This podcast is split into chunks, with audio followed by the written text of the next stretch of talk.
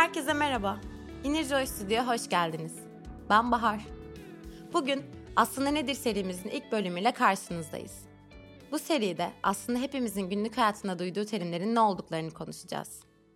İlk bölümümüzde mindfulness'ın aslında ne olduğundan bahsedeceğiz. Çünkü mindfulness hakkında çok fazla mit var ve bu nedenle bu bilgilerden hangisinin doğru, hangisinin yanlış olduğunu ayırt etmekte zorlanıyoruz. Bu noktada bunu bir bilene sormak istedik. Bugün Enerjoy'un kurucu ortaklarından Burcu Yapar'la birlikteyiz. Sohbetimize başlamadan önce biraz sizlere Burcu'nun kim olduğundan, aldığı eğitimlerden ve ekolünden bahsetmek istiyorum.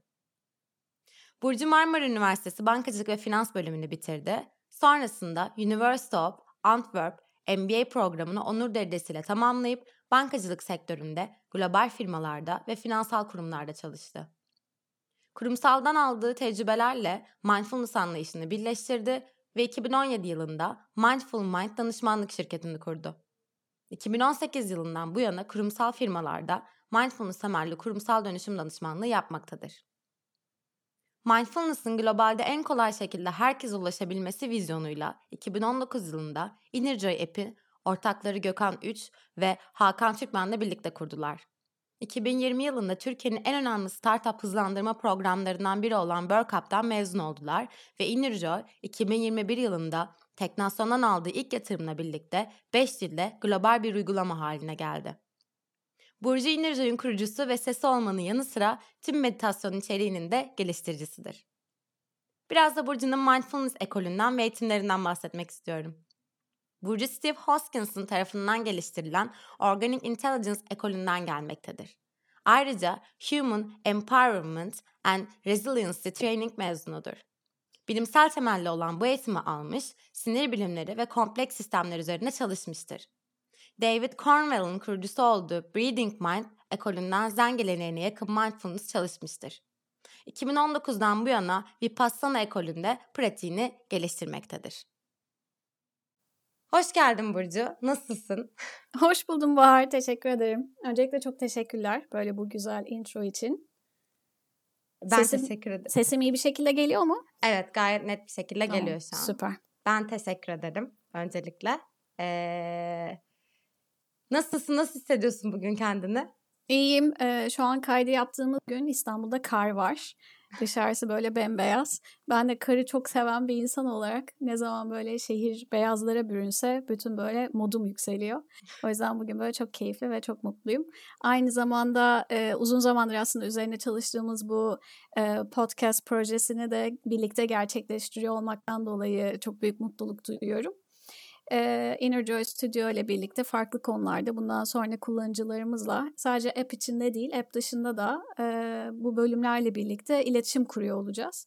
Bu yüzden çok teşekkürler e, bize bu fırsatı verdiğiniz için. Biz teşekkür ederiz gerçekten. Ben de çok heyecanlıyım seninle bu keyifli sohbeti yapacağımız için. İstersen yavaş yavaş e, ilk sorumla başlayayım. Tamam, bekliyorum. Ee, bizim için şu an adettendir. Ee, ilk sorumuzu bölüm at ismini atıp da bulunarak sormak istiyorum. Mindfulness aslında nedir Burcu?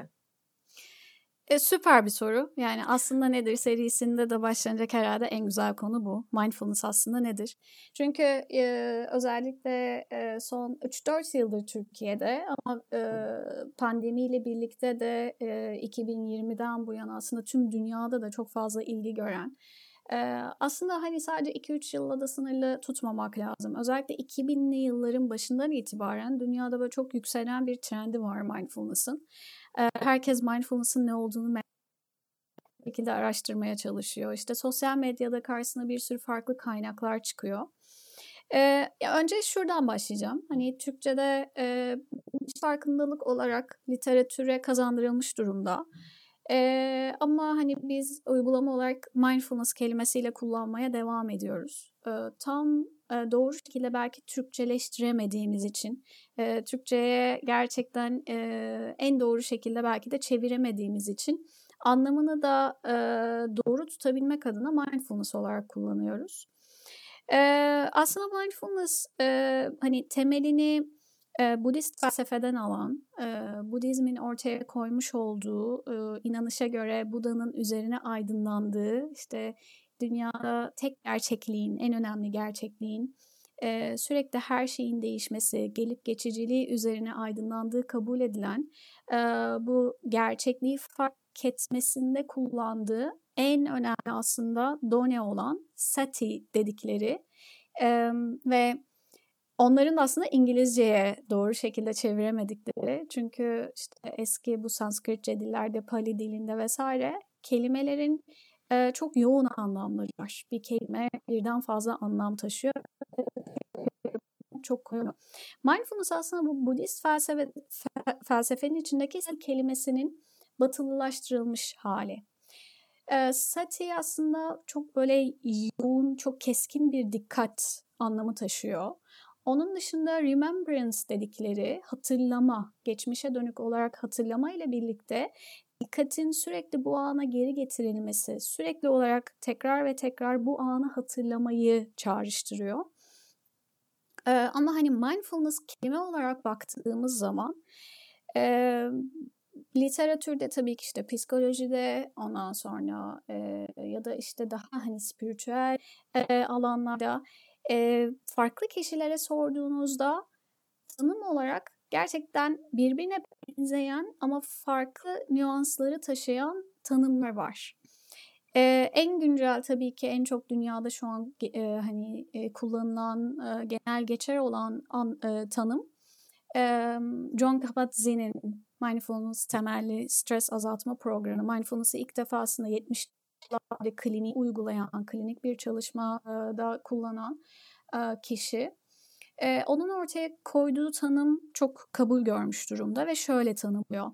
Farkındalığı odağa e, yargısız bir şekilde içinde bulunduğun ana getirmek ve bu anın içindeki deneyim her neyse onunla birlikte kalmak, onunla birlikte olmak.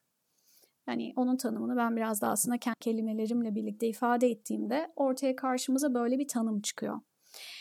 Benim aslında e, hani bu zamana kadar ki kendi deneyimimden de artık e, gelen tanımım mevcut olmak. En yalın tanımı bence bu.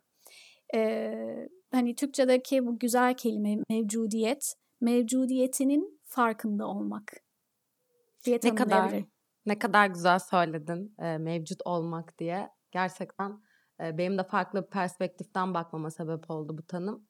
Ama e, hepimizin e, Özellikle de dışarıda arkadaşlarımızla konuşurken internette, Twitter'da, Instagram'da vesaire sürekli karşımıza çıkan bir terim var. Carpe diem terimi. Hı hı. Ve bu genellikle mindfulness'ta çok fazla karıştırılıyor. Hı hı. O yüzden bir sonraki sorumu bununla ilgili sormak istiyorum. Mindfulness ve carpe diem arasında ne gibi bir fark var? Hı.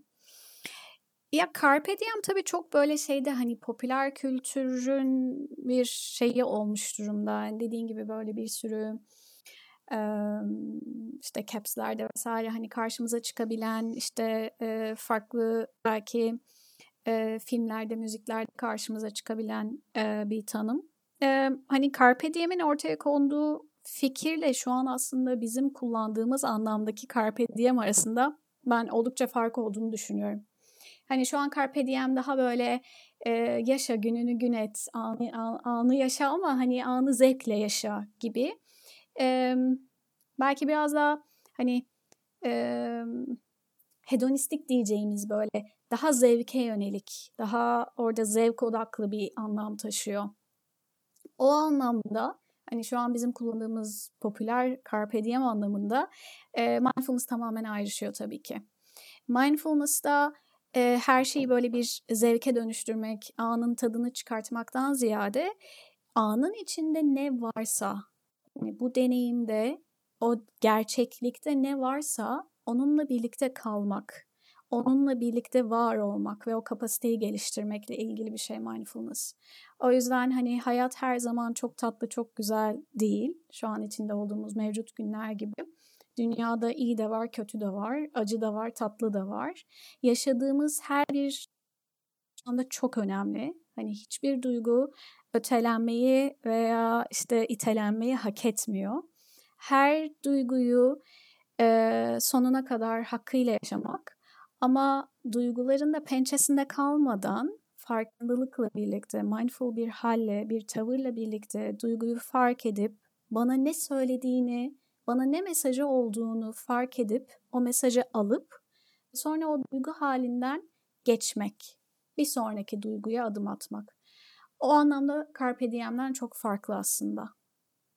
Peki e, bu anlattıklarından yola çıkarak söylüyorum yine. E, mindfulness herkese uygun mu? Yani hı hı. herkes mindful bir yaşam sürdürebilir mi sence? Hı hı hı. Ya aslında mindfulness pratikleri baktığımızda gerçekten insanlığın tecrübesinde var olan bir şey. Yani sadece e, Budist felsefenin içinde varlığını göstermiyor. Yani dünyada bir sürü farklı kültürde, e, spiritüel e, yolda mindfulness var. Yani mindfulness aslında bizim kültürümüzde de var, tasavvufta da var. E, tasavvufta hemhal olmak vardır. Aslında hemhal olmak mindful olmak demek. E, bu anlamda aslında insanın tabiatına e, en uygun şey mindfulness ve e, içinde yaşadığımız dünyada sürekli olarak aslında hani teknolojinin de tabii ki gelişimiyle e, aslında teknoloji çok hızlı ilerlerken insanın e, buna adaptasyonu daha geride kalıyor. Yani yaşamsal olarak hayatımıza bu teknolojiyi entegre etmek anlamında e, tabii ki adapte oluyoruz. Ama e, biyoloji dediğimiz şey, nörobiyoloji bununla birlikte aynı hızda gelişmiyor. O yüzden içinde yaşadığımız dünya sinir sistemlerimize aslında fazla geliyor. Çok fazla uyaran alıyoruz. Çok fazla uyarana maruz kalıyoruz bir gün içinde ve bunu sindirmek sinir sistemimiz tarafından e, bununla birlikte yaşamak çok kolay değil. O yüzden yaşadığımız gün içinde bir sürü ağrı, sızı, ondan sonra hani sebebini çok anlamlandıramadığımız duygu halleri bunlarla birlikte ortaya çıkıyor. Bu yüzden tam da bu dönemde bence çok daha önemli bir hale geliyor herkes için. Ve herkes için öyle ya da böyle bir şekilde uygulama yöntemi gelişen, geliştirilen de bir alan mindfulness. O yüzden aslında e, hem e, bu anlamda şanslı bir dönemdeyiz. Çünkü mindfulness bu noktada önemli bir e, birçok insan için bir çözüm aracı. E, hem de tabii ki aslında şanssız bir dönemdeyiz. Çünkü e, artık kronikleşen stres net bir gerçeklik hani maalesef hayatımızda. Evet haklısın ben de böyle düşünüyorum. Peki e, mindfulness bilimsel temelli mi? Hı hı. Şöyle orada da aslında çok şanslıyız artık. E, mindfulness ve hani mindfulness'ın e, farklı kültürlerdeki e, benzer benzeri yöntemler diyeceğim. Ee, insanlar sonuçta bunları yüzyıllardır pratik ediyor ve kendi pratiklerinden gelen aslında hani işte empirik deneyim e, bunun ne kadar fayda sağladığını insanlar bir şekilde kendilerinde gözlemliyorlar yüzyıllardır.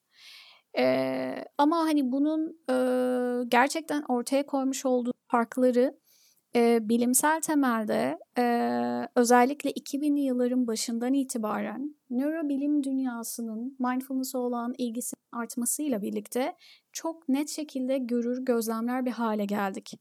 Yani bunda tabii e, işte beyin görüntüleme teknolojilerinin gelişmesinin de çok katkısı var. Ondan sonra bu alana yapılan bilimsel yatırımın, bu tarafta yapılan kaliteli bilimsel çalışma sayısının artmasının çok çok önemli etkisi var. E, dünyada çok saygın üniversitelerde e, bu alanda çalışan önemli e, laboratuvarlar var. Ve bu alanda çalışan sadece kendini gerçekten bu alana adamış nörobilim e, insanları aslında yaptıkları çalışmalarda ki bunlar gerçekten bilimsel niteliği çok yüksek, yıllarca süren, ondan sonra farklı farklı farklı yöntemlerle e, cross checklerinin yapıldığı çalışmalar ee, çok net bir şekilde görüyoruz ki evet düzenli mindfulness pratikleri, meditasyon insan beynini değiştirebiliyor. Ee, tabii bu şunu da biliyoruz artık e, işte nöroplastisite denilen olguyla birlikte hani biz istesek de istemesek de yaşadığımız deneyimlerle beynimiz sürekli yeniden şekilleniyor ve değişiyor. E, beynimizi aslında istediğimiz yöne doğru değiştirmek mümkün. Ve mindfulness bu yollardan biri. Yani stresi daha iyi yönetebilir hale gelmek. e, duygu regülasyonunu sağlamak, ondan sonra işte diğer insanlara karşı empati, şefkat duygularını geliştirmek, bununla birlikte insan ilişkilerinin iyileşmesi, gelişmesi gerçekten mümkün ve çalışmalar e, bunun mümkün olduğunu gösteriyor, kanıtlıyor. Ya aslında biraz önce söylediklerinde e, bunun e, bilimsel temelli olarak sonuçlarını görebileceğimizi e, söyledin. E, başta da aslında Budizm'den bahsetmiştin. O yüzden ben bir sonraki sorumu bunu birleştirerek sormak istiyorum aslında. Hı hı. E, internette ya da etrafımızda mindfulness'ın dini temelli bir ritüel olduğu olduğu ile ilgili hı hı. E, çok fazla algı var. E, peki mindfulness'ın herhangi bir dinle bağlantısı var mı? Mindfulness hı hı. bir tür e, dini ritüele mi bağlı? Hı hı. Ya şöyle tabii hani sonuçta e, işte Doğu felsefeleriyle ve Budist felsefeyle olan e, ilişkisi yatsınamaz. Yani e, mindfulness aslında batıya taşıyan kişiler bugün işte mindfulness alanında çok hani meşhur olan bütün hocalar e, gençlik yıllarında, üniversite yıllarında işte o hippie Amerikan gençliği olarak evet. e, Hindistan'a gitmiş ve e, bu pratiklerle tanışmışlar. Oradaki meşhur hocalarla birlikte çalışma fırsatları olmuş. Orada meditasyonu öğrenmişler, yerinde öğrenmişler ve sonrasında batıya taşımışlar.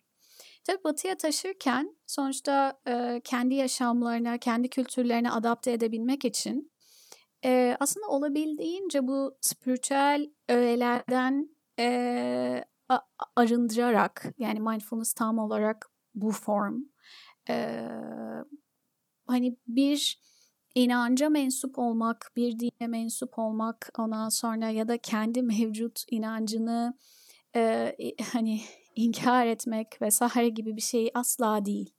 Mindfulness tam anlamıyla seküler bir yaklaşım. Ee, herhangi bir dini öğenin olmadığı, herhangi bir spiritüel öğenin olmadığı, e, çok net bir şekilde e, pratiklerin içerisinde sadece ve sadece bir objenin üzerinde dikkati tutmakla çalıştığımız ki bu obje çoğu zaman meditasyon pratiklerinde nefes oluyor. Genelde birçok insan için, herkes için olmayabilir bu arada.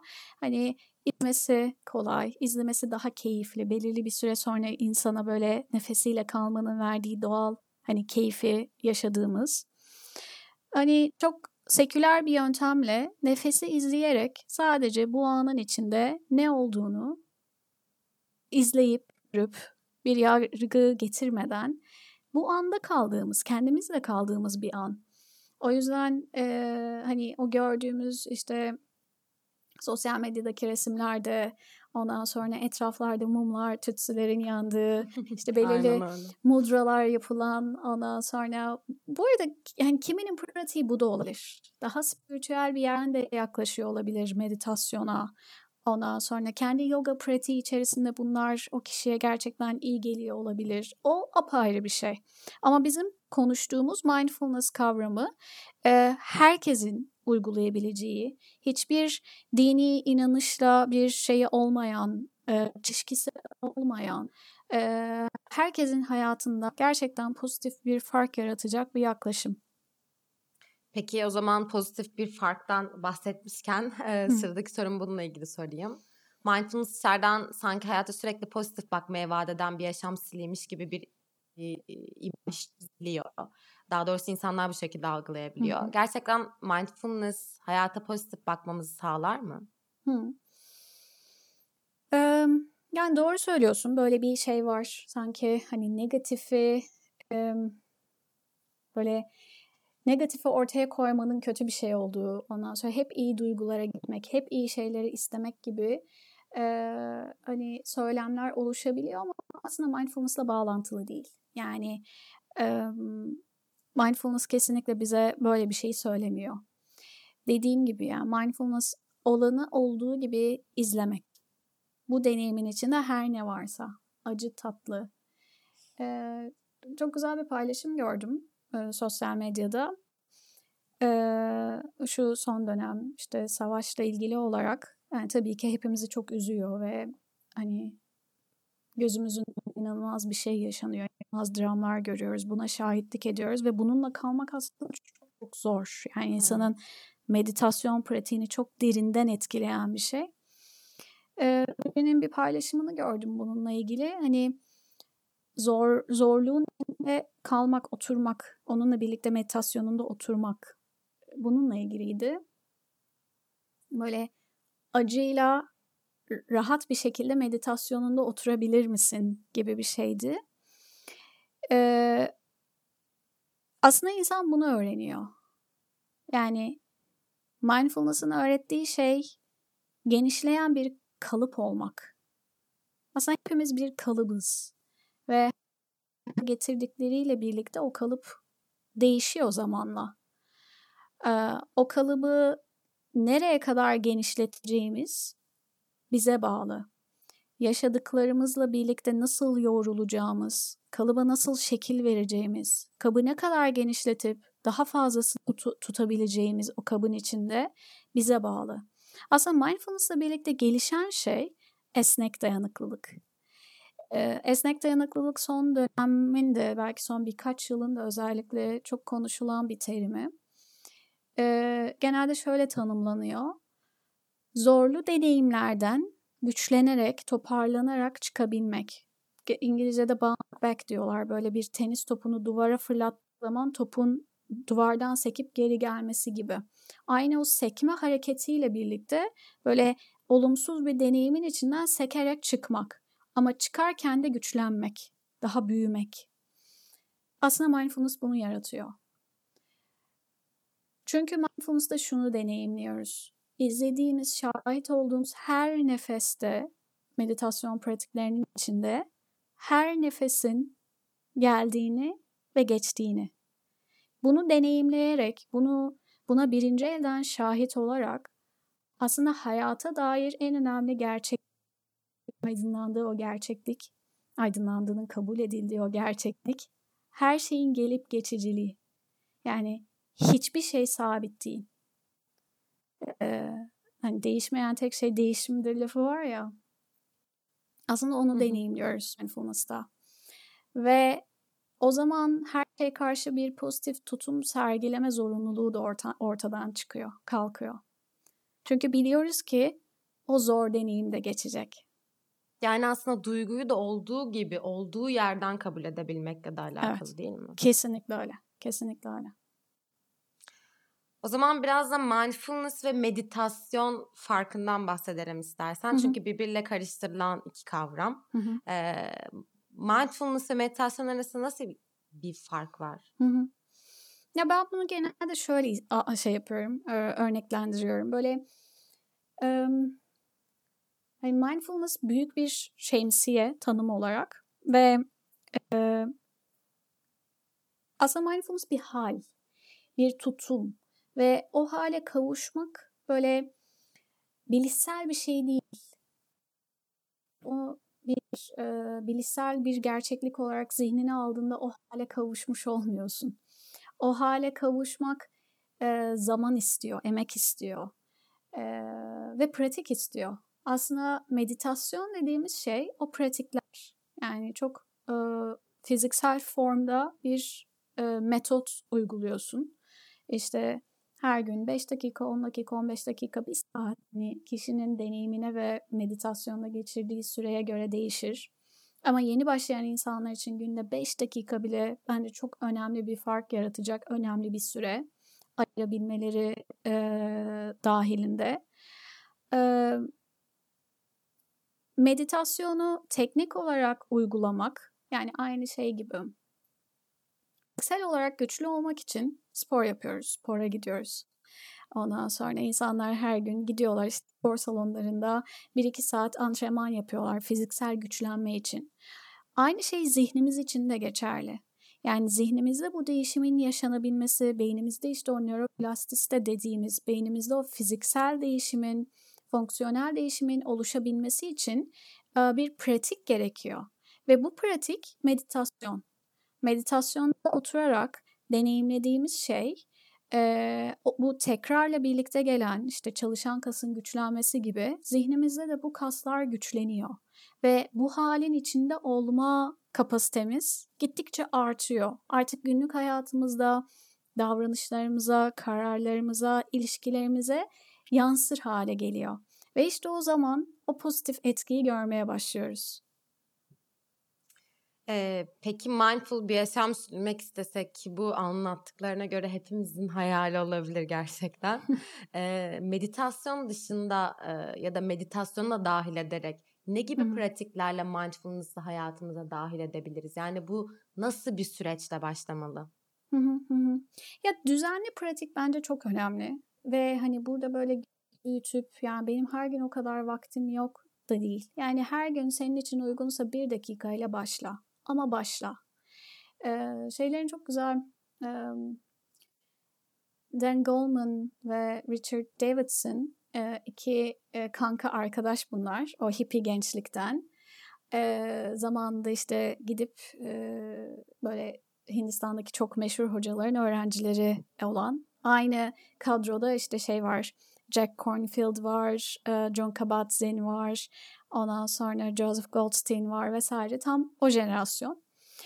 Ee, Goldberg Goldman e, şeyin hmm, duygusal zekanın babası kabul ediliyor dünyada. Hı hı. Hani en meşhur olduğu şey o, konu o. Ama meditasyonla da çok ilgili ve mindfulness üzerine de bir sürü aslında e, çalışması var. E, ikisinin yazmış olduğu e, sanıyorum Türkçe'ye de çevrildi. E, hangi isimle çevrildiğini tam bilmiyorum ama yazar isimlerinden hani bulabilir e, dinleyenler. Altered Traits diye bir kitap çıkarttılar ve tam olarak aslında senin sorduğun bilimsel çalışmaların e, sonuçlarını gösteren böyle farklı farklı bilimsel çalışmaları ele aldıkları ve yorumladıkları bir kitap.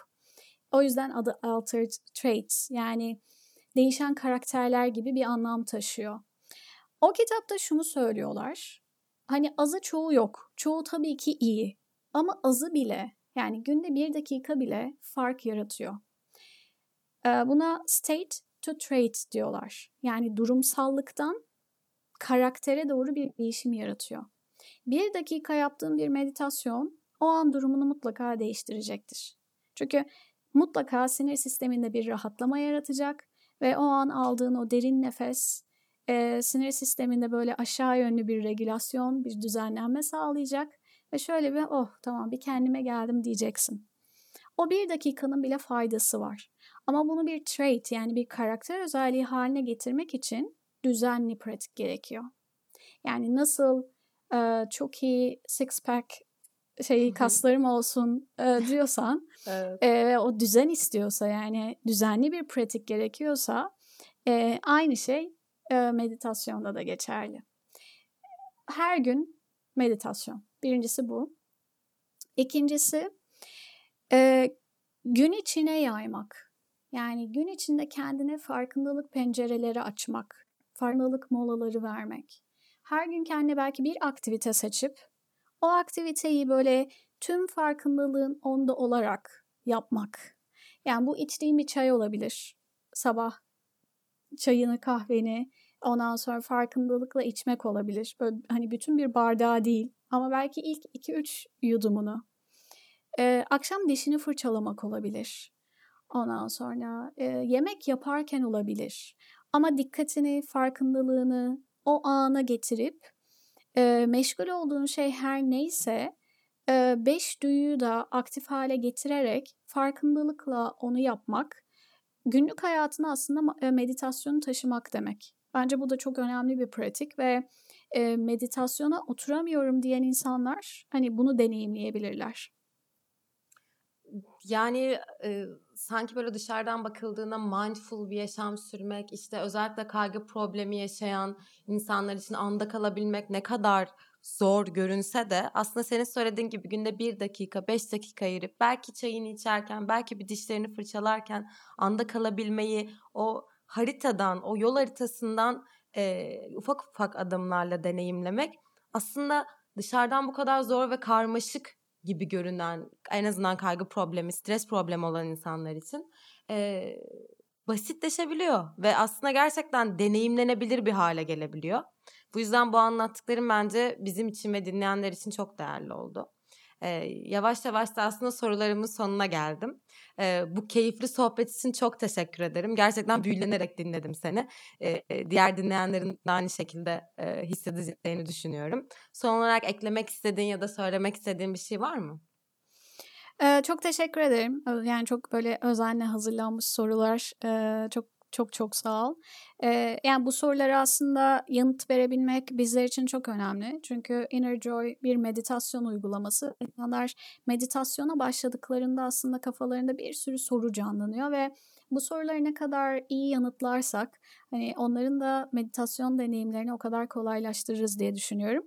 Ee, dinleyenlere de çok teşekkürler. Merak ettiğiniz sorular olursa lütfen bize yönlendirin. Hani burada o soruları da cevaplamaya çalışırız her zaman. Ee, çok teşekkürler. Herkese sevgiler. Tekrardan teşekkür ederim. Ee, bugün Burcu ile mindfulness'ın aslında ne olduğunu konuştuk. Bu konu hakkında daha detaylı bilgi almak için www.innerjoy sitemizden blog yazılarımızı okuyabilir. Mindfulness pratiklerini hayatınıza dahil etmek için Innerjoy app'i Google Play veya App Store'dan indirebilirsiniz. Bir sonraki bölümümüzde görüşmek üzere.